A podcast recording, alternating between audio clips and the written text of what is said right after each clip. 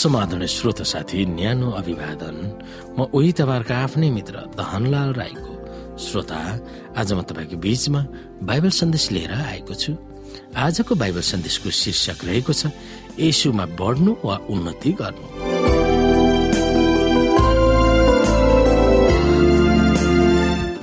श्रोत साथी अहिले मात्र होइन पावलको समयमा नै चर्चलाई टुक्राउने र विश्वासीहरूलाई यसु भावनाको परिपक्वता र एकतालाई तहस नहस पार्ने वातावरण र प्रवृत्तिहरू पनि थिए। तिनीहरूले चर्चमै के खतराको सामना गरिरहेका थिए? हामी ससाना केटाकेटी जस्ता धुर्त मानिसका विभिन्न शिक्षाका बतासले जताततै हुर्या उतै जाँदैनौ। तिनीहरूले निकालेका ठग विद्याले अरूलाई कुबाटोमा लैजान्छ भनेर एफिसी चार अध्यायमा वर्णन गरिएको छ। वर्तमान हाम्रो सेभेन डे एडभेन्टिज चर्चलाई टुक्र्याउने जस्ता वातावरण पावरले पनि सामना गरेका थिए। प्रत्येक हुरी बतास ल्याउने शिक्षा दीक्षा र ठगी विद्या वा छलकपट गरेर चर्चलाई भाँट्ने तत्त्वहरू त्यस बेलाका विश्वासीहरूमाथि पनि खनिएका थिए। विभिन्न सिद्धान्तहरू घुसाएर चर्चलाई भट्काउने खतरालाई वर्णन गर्न पावलले तीन प्रकारका चित्रणहरू कोर्दछ बालककालको परिपक्वता हामी केटाकेटी जस्ता नहौँ। समुद्रमा आउने आदिबेरीको खतराबाट सावधानी धुर्त मानिसका विभिन्न शिक्षाका बतासले जता हुरिया उतै जाँदैनौ। तिनीहरूले ल्याएका ठगी विद्याले अरूहरूलाई कुबाटोमा लैजान्छ। त्यसमा नपरौ। ती मानिसहरू चलाक ठगहरू हुन्। तिनीहरू जुवातास खेलाएर आफू जित्ने प्रपञ्चहरू रच्दछन्। बाबाले ग्रिफ शब्द कुबिया प्रयोग गर्दछन्। यो कौडा हानेर चलाक वा चालबाजी गरेर आफू जित्ने नीति हो। चर्चलाई टुक्र्याउने प्रविधि नै गलत वा ठगी विद्याको पच हो भनेर बाबाले विश्वास गर्दछन्। जुन विद्या जानेर चर्चलाई स्वस्थ र स्वस्थ बनाउँछ वा जसरी जुन खाना खाएर शरीरलाई पौष्टिक प्रदान गर्दछ बढाउँछ भनेको छ जस्तै ती असल हुन् र जसले चर्चलाई एक एकताको सूत्रमा राख्दछ। तर चर्चलाई टुक्र्याउने र बिगार्ने तत्त्वहरू खराब हुन्।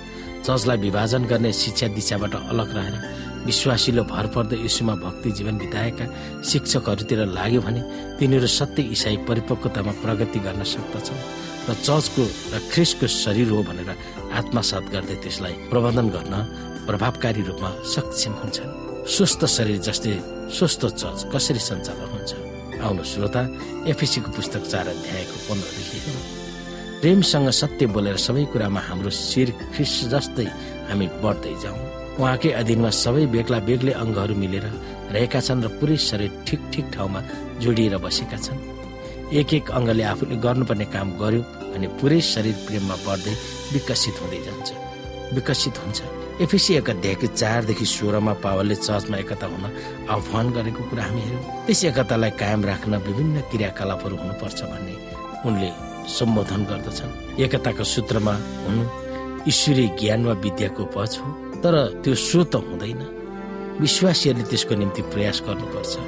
यो कडा परिश्रम पनि हो। यसुको शरीर रूपी चर्चमा सक्रिय रहेर हामी एकतालाई सुदृढ गर्दछौँ। हामी प्रत्येक विश्वासी शरीरको अङ्ग हौ र शरीरको स्वस्थ र उन्नतको निम्ति हामीले प्रयास जारी राख्नु पर्दछ चर्चमा भएका प्रेरित वा विशेष चेलाहरू अगमवक्ताहरू सुसमाचार प्रचारकहरू पास्टर र शिक्षकहरूको कामबाट हामी फाइदा लिने सिक्नु पर्दछ तिनीहरूले शरीरका नसा तन्तु र प्रत्येक जोड्नेलाई जोडिराख्छ। तिनीहरूकै सक्रियतामा हामी एक सूत्रमा रहन्छौँ। ख्रिसमा सँगसँगै मिलेर बढ्न तिनीहरूले सहयोग गर्दछन्। ख्रिस हाम्रो शिर हुनु भएकोले त्यस शिरको इज्जत राख्न हामी एक भएर अघि बढ्नु पर्दछ आजै हाम्रो चर्चमा हुरीबत्ता जस्ता आउने केही शिक्षाहरू के हुन् र तिनीहरूको खिलाफमा हामी कसरी उभिन सक्छौँ याद गर्न सक्छौँ? चर्चलाई टुक्र्याउने तत्त्व चर्चकै मानिसहरूले आफ्नो भाउ खोज्दा अथवा नपाउँदा पनि उब्जन सक्छ ती विषयहरूमा हामी सोच्न सक्छौँ। चर्चमा प्रस्तुत हुँदा र हाम्रो मण्डलीहरूमा हामी प्रस्तुत भइरहँदा मानिसहरूको भावना कस्तो छ मानिसहरूको एकता कस्तो छ त्यसलाई हामीले विचार गर्नु जरुरी छ। र तिनीहरूको भावनामा एक भएर परमेश्वरको महिमालाई हामीले अगाडि बढाउनु पर्दछ र मानिसहरू स्वभावैले इज्जत मान भाउ खोज्ने हुन्छन् नै। तर ती कुराहरूमा हामीले कसरी समायोजन गरेर अगाडि बढ्न सक्छौँ ती विषयहरूमा पनि हामी सोच्न सक्दछौँ